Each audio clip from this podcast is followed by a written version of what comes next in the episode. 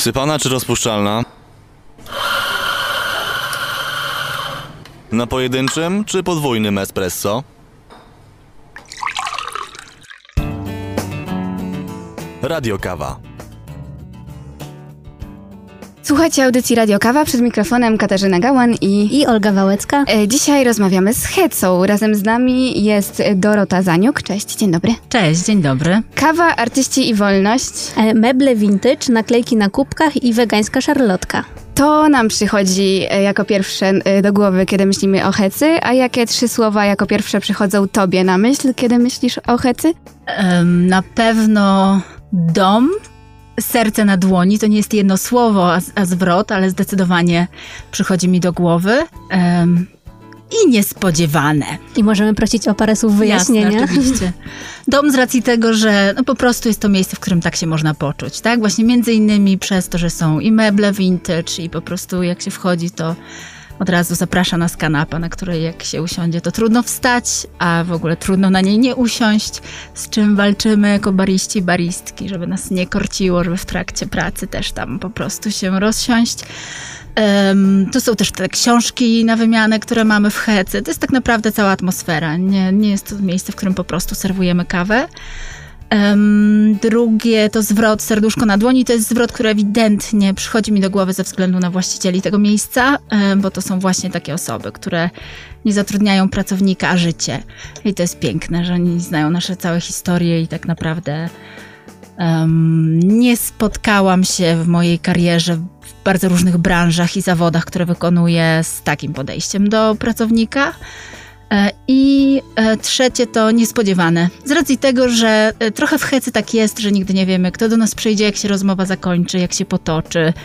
Em, bo też tak naprawdę jesteśmy otwarci na to, żeby przyszedł każdy. Włącznie z tymi osobami, co zamawiają uparcie espresso. Też nie mam nic przeciwko, niech przychodzą, będziemy i o tym rozmawiać. Mnóstwo e, ciekawych wątków rozpoczęłaś, a ja się bardzo cieszę, że u nas dzisiaj jesteś, dlatego że pierwszy raz chyba e, mamy e, do czynienia z pracowniczką, pracownikiem, a nie z e, właścicielem kawiarni.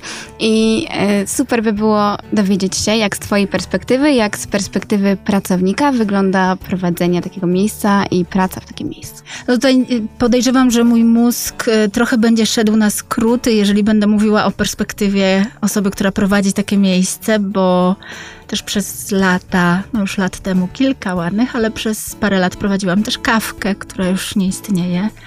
E, Więc tak czy inaczej będą mi się pewnie jakieś wątki też z tego okresu wkradały. Ale z perspektywy pracowniczki bardzo chętnie też opowiem, jak jest akurat, jak jest akurat w Hecy.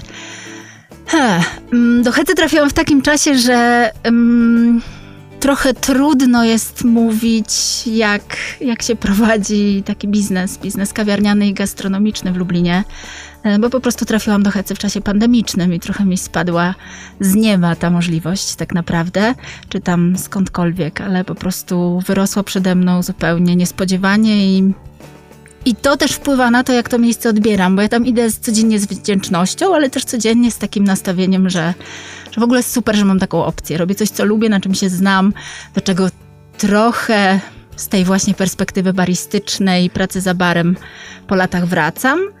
E, Ale też codziennie obserwuję tak naprawdę zmagania właścicieli, czyli Moniki i Wojtka e, z sytuacją, w jakiej się obecnie znajdujemy. Mm, Nawet sobie ostatnio tak myślałam i nawet im podzieliłam się z nimi tą uwagą, że jeżeli, a no, tak mocno na to liczę i na razie wszystko wskazuje na to, że tak będzie, jeżeli Heca przetrwa całą pandemię i te wszystkie lockdowny, ograniczenia, limity, e, to w dużej mierze będzie to dzięki ich sile woli. I ja się z nimi tą uwagą podzieliłam, a oni oczywiście jakby to przyjęli i to nie jest, to nie jest wymusz, wymuszone, to nie jest kurtuazja w momencie, kiedy oni o tym mówią. E, Zaczęli to tak odwracać i argumentować, że nie no słuchaj, to wiesz, to nie my tam jesteśmy za barem, to wy tam jesteście, tak naprawdę to wy tworzycie to miejsce, to dzięki wam przetrwa, bo to do was przychodzą ci klienci, to z wami rozmawiają, to was pamiętają.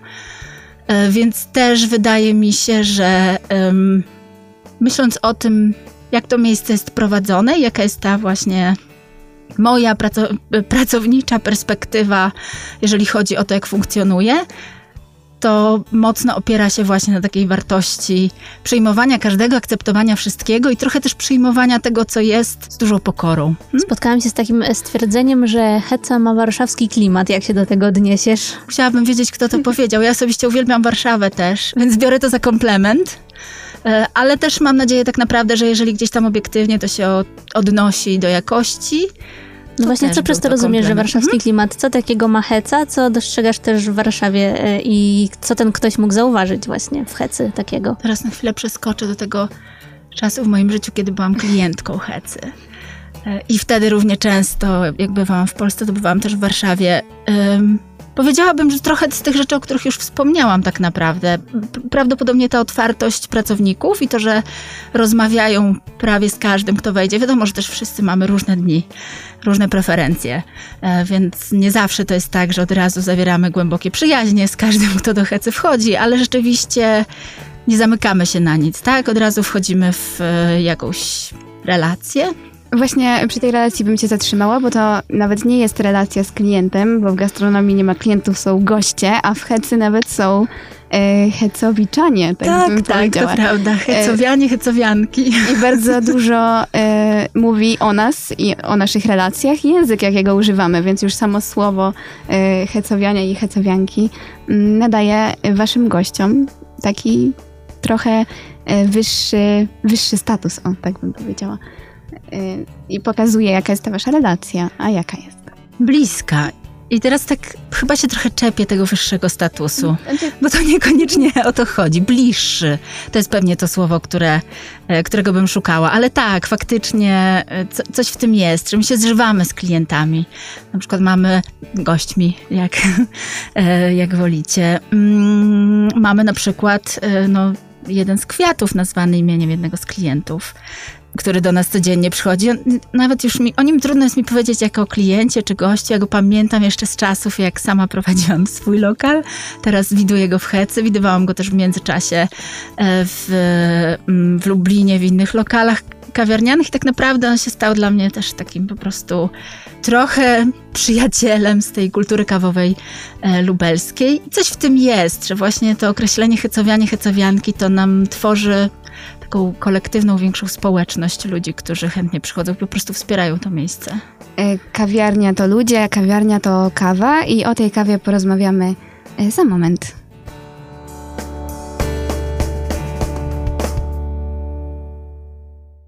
Słuchacie Radio Kawa. Naszym gościem jest Dorota z Hecy. Porozmawialiśmy już trochę właśnie o klimacie samej kawiarni, o tym jak e, klienci czy też goście, jak to woli, są naszymi przyjaciółmi przede wszystkim. No ale kawiarnia to przede wszystkim kawa. I u Was jest bardzo duży wybór kawy. E, Dlaczego właśnie zde- zdecydowaliście się na to, że będziecie brali po trochu od każdej palarni, a nie skupicie się na przykład na współpracy z jedną albo z dwoma? To trochę jest tak, że mamy tak naprawdę jedną bazową kawę zawsze. I podejrzewam, że to się nie zmieni. Nie wiem, co musiałoby się zadziać, żeby rzeczywiście pojawiły się jakiekolwiek rozmowy na temat tego, żeby, e, żeby tę kawę zmienić. To jest nasza podstawowa mieszanka pod espresso. I ona jest z Coffee and z naszej lubelskiej palarni. To jest współpraca od samego początku powstania Hecy, chociaż też pamiętam jeszcze w czasach e, poprzedniej właścicielki, że tam były różne perypetie z podkładaniem klientów. Zresztą już w czasach Moniki i Wojtka też z podkładaniem klientom też e, innych kawek i sprawdzaniem, jakim się wyrobiły te smaki kawowe. Oczywiście z informacją, to nie jest tak, że dostawali nagle gorszej jakości ziarna, ale żeby też trochę zobaczyć, czego się ich kubki smakowe nauczyły przez lata. Natomiast tak, tę podstawową kawę, którą mamy zawsze pod espresso, pod kawę em, na bazie espresso wykonywane, e, mamy stałą. Natomiast staramy się też e, ciągle, chociaż raz w miesiącu, raz na dwa miesiące, zależnie też od tego, jak się jak nam jakaś kawka też podpasuje, bo to jest bardzo subiektywne. Subiektywna droga wyboru tych kaw, które akurat się w drugim młynku, który też na stałe e, pod e, ekspres ciśnieniowy mamy przygotowany, znajdują. I generalnie staramy się e, zawsze wybierać tam no, kawę wysokiej jakości, zawsze są to kawki speciality, co do tego nie ma wątpliwości ale nie trzymamy się i nie umawiamy się z jedną e, kawiarnią, z jedną, z, jedną palarnią na stałe. Chociaż ta współpraca trochę nam się wyrobiła. Przez ostatnie miesiące na pewno dominuje e, Coffee Lab z racji tego, że no jeszcze tutaj z czasów Instytutu Kawowego, ja osobiście pamiętam e, te kawy, które się tam pojawiały. Obecnie też widzę, jak się rozwijają. No i też tak naprawdę dobrze nam, dobrze nam te kawki wchodzą.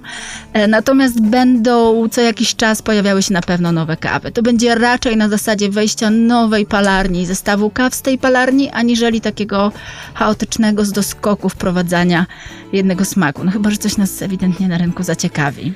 E, Chyba muszę ci się przyznać, że jak na razie chyba najlepszy drip, jaki wypiłam, wyszedł spod twoich rąk. E, I tutaj moje pytanie, bo wiem, że masz bardzo dużo, duże doświadczenie już i w parzeniu kawy. E, I spotkałyśmy się ostatnio właśnie w rozmowie z Coffee and Sons, e, że nie ma sensu aż tak przykładać wagi do wszystkich e, procedur, które nas obowiązują przy robieniu właśnie e, takich e, kawek e, alternatywnych.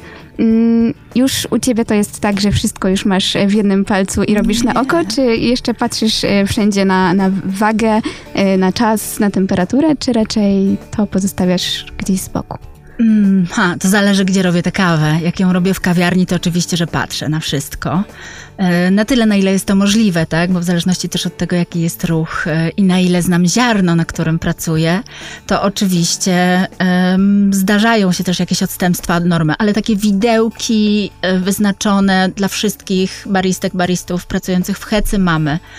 To po to, żeby była powtarzalność w kawie, tak? Żeby nie było takiej sytuacji, że jak ja zrobię dripa, to będzie ok, czy jak zrobi Gorzenia, czy zrobi go Kasia, Marysia, Liza, ktokolwiek nie stałby akurat za barem, to będzie ok, a potem przyjdziemy następnego dnia i ta sama kawa już nie jest tą samą kawą. Oczywiście, ja głęboko wierzę w taki ładunek energetyczny, który też zostawiamy w kawie, jak ją przygotowujemy E, i tak czy inaczej ona może być różna w zależności od tego, kto ją przygotuje ale staramy się raczej pilnować pewnych wytycznych. Natomiast jak robię kawę w domu, to bardzo różnie mi się zdarza. Ja to w ogóle w domu bardzo lubię na przykład po odsiewaniu kawek zbierać sobie pył i robić potem z tego e, kawy i to w, różnych, w różnej postaci, czy to espresso, czy właśnie metodami alternatywnymi, czy czasami wręcz tam trochę, e, trochę zmieniam kolejność, że to na wodę wsypuję kawę, jakby na, włącznie z tym, że robiłam i e, przelewy z samych filtrów, żeby trochę odczarować w swojej głowie to przekonanie, że ten smak papieru w, kaw, w kawach parzonych metodami alternatywnymi jest taki potworny.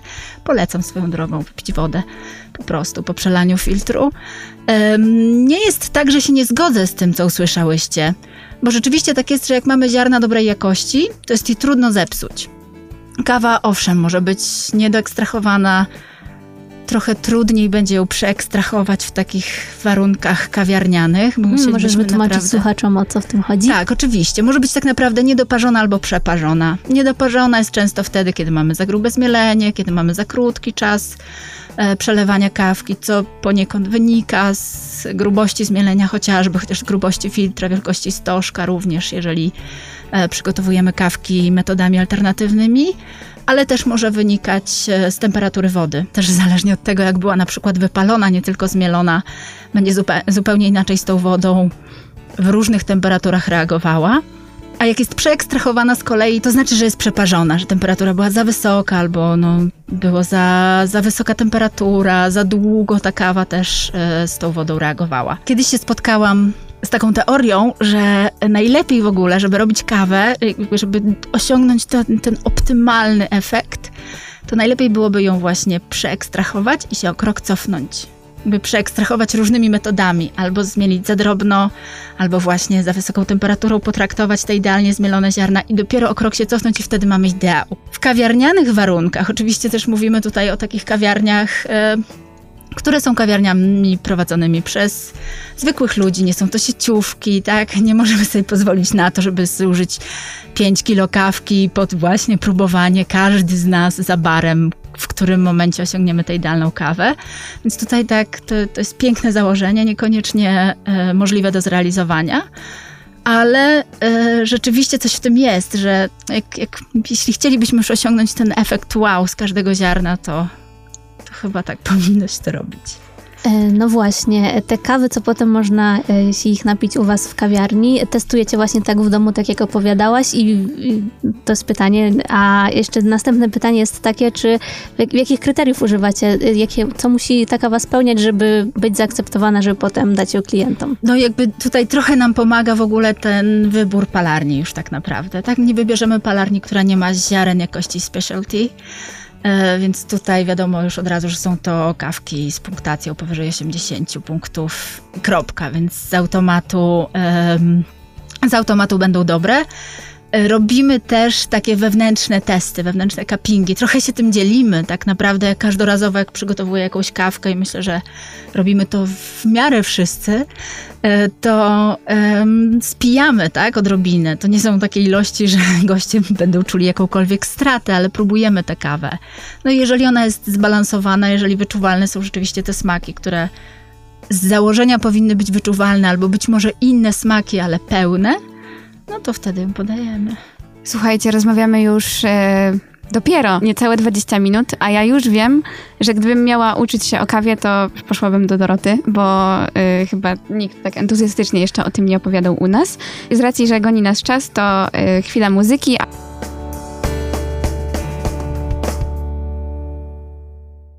Za bary lubelskich kawiarni zaglądają Olga Wałęcka i Katarzyna Gałan. W Radio Kawa wracamy do naszej rozmowy z Dorotą e, z Hecy. No i właśnie w Hecy mam wrażenie, że macie taką trochę misję, ponieważ w kawiarni wystarczy, że można napić się kawy i tak jakby już funkcja kawiarni została spełniona, ale wy chcecie czegoś więcej, bo można przynieść książkę na wymianę, można sobie wziąć książkę z półki i po prostu za darmo ją wynieść. E, Swego czasu też pamiętam, można było się wymieniać e, szczepkami roślin. Nadal Po co można. właśnie te wszystkie poboczne rzeczy? Dlaczego?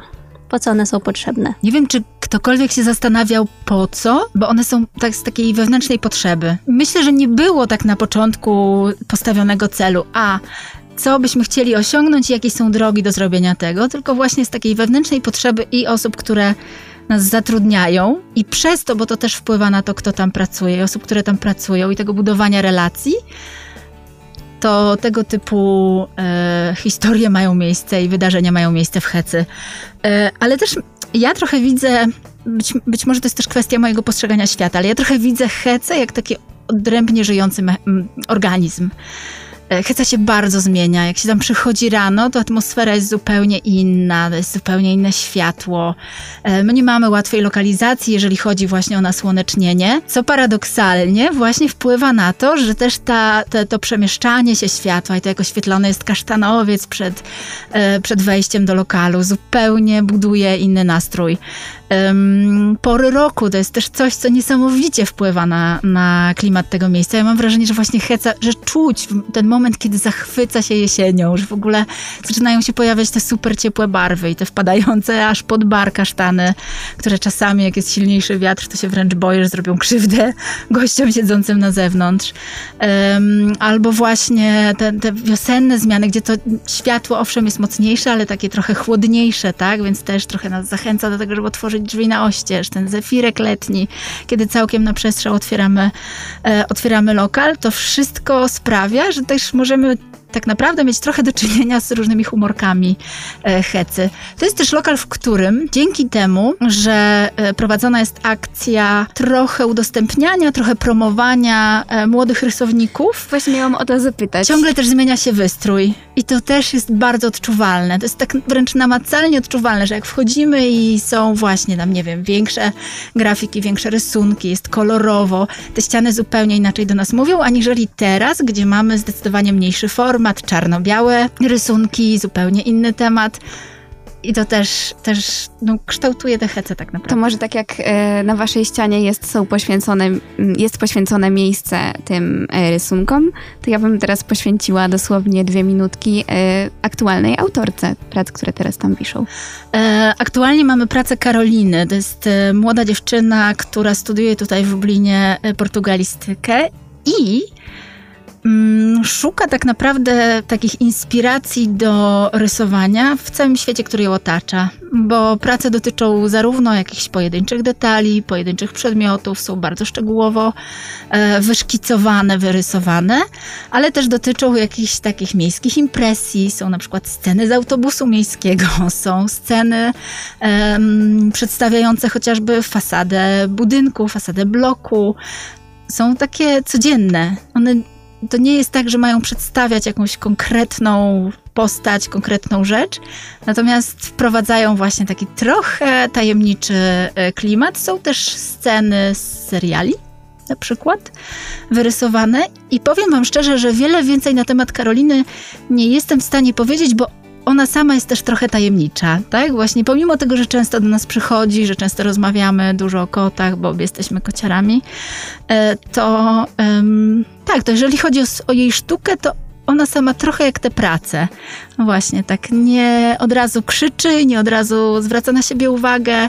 Trzeba bliżej poznać, poszukać e, znaczenia, a może po prostu przyjąć to, że, że tak odbieramy te osoby, czy te właśnie, czy te prace. Wyobrażasz sobie, żeby kawa właśnie istniała bez tej całej otoczki sztuki, designu i innych miłych rzeczy, czy właśnie to jest taka synergia, takie bliższe pokrewieństwo niż się wszystkim wydaje? Ta druga opcja zdecydowanie. To znaczy, samą kawę, tak, wyobrażam sobie, żeby istniała, natomiast jeżeli chodzi o kulturę kawową, e, jeżeli chodzi o kulturę kawową, to zupełnie nie. Zresztą mm, wydaje mi się, że czytałam taki artykuł, tylko że już lata temu, mówiący o tym, że właśnie ta czwarta fala kawowa e, to, to jest to doświadczenie, tak? To jest właśnie to, co dostajemy w kawiarni, to tego będziemy szukać. Już nawet niekoniecznie samej kawy dobrej jakości. Oczywiście tego, ta, tego też, tak? Tylko no mi jest w ogóle bardzo bliskie tak naprawdę i w Hecy to się też odczuwa wręcz namacalnie. Y, takie myślenie o kawie i o kawiarni, i o prowadzeniu lokalu, że nie tylko o kawę w nim chodzi. Ona jest super ważna, bo to ona jest podstawą wszystkiego, co tam serwujemy no ale to nie może być miejsce, do którego przychodzą tylko ludzie znający się na kawie i tylko ludzie szukający, no powiedzmy, tej kawy, która już wiemy, że ma mieć taki smak, ma być tak zrobiona. Patrzymy bariście na ręce, czy przypadkiem się nie pomyli, czy go nie poniosło, czy gdzieś tam tutaj nie było jakiegoś poślizgu. Bo i takie nastawienie niektórzy, y, niektórzy goście przychodzący do kawiarni i znający się na kawie mają, tylko tak naprawdę bardziej chodzi o to, żeby, żeby lokal był właśnie tak całościowo otwarty na przyjmowanie ludzi, po prostu, z całym ich bagażem. Oni nie muszą się znać na kawie, oni nie muszą wiedzieć o niej nic. To jest nasza rola, żeby właśnie pokazać, zachęcić, żeby ten, żeby to miejsce, ja trochę to tak widzę jak takie otulenie. Ja w ogóle kawę bardzo często zestawiam z troską. I od momentu, a już zwłaszcza tak, jeżeli podajemy kawę jakości specialty, to, to tutaj bez wątpienia. Jakby dla mnie kawa specialty to jest troska, tak z definicji po prostu. I chodzi mi tak naprawdę o to, że troszczymy się i o ziarenko, i o tych ludzi, którzy się nim zajmują od podstaw, aż po tę osobę, która nam serwuje kawę i tak naprawdę troszczymy się też o te osoby, które ją piją koniec końców i myślę, że Heca to wypełnia w 100%. Dla mnie właśnie wyjście na dobrą kawę w, w, dobrym otoczeniu, w miłej przestrzeni jest równoznaczne na przykład z gorącą kąpielą, po prostu taki relaks tak. i myślę, że trochę w tą stronę to zmierza też. Tak, dokładnie, też tak to widzę. Myślę, że to jest e, piękny akcent na koniec naszej rozmowy. To prowadzenie e, kawiarni, to jak my ją odczuwamy, jak, e, jak odczuwamy tę ceremonię wyjścia z kimś albo wyjścia samemu na kawę, to jest sam czubek, a jeszcze pod spodem tej całej góry lodowej jest uprawa kawy, uprawa owoców kawowca. I o tym również porozmawiamy z Dorotą, ale to za tydzień. E, więc e, teraz już się z Państwem żegnamy. Przypominamy o konkursie. Zajrzyjcie na naszego Instagrama, radio podkreślnik kawa. Tam będą wszystkie e, informacje na temat konkursu. Dziękujemy Ci serdecznie za dzisiaj. Dziękuję również i zapraszam na kawkę do Hecy. Teraz każda jedna kawa naprawdę pomaga w każdym lokalu. A my zapraszamy jeszcze na poradnik.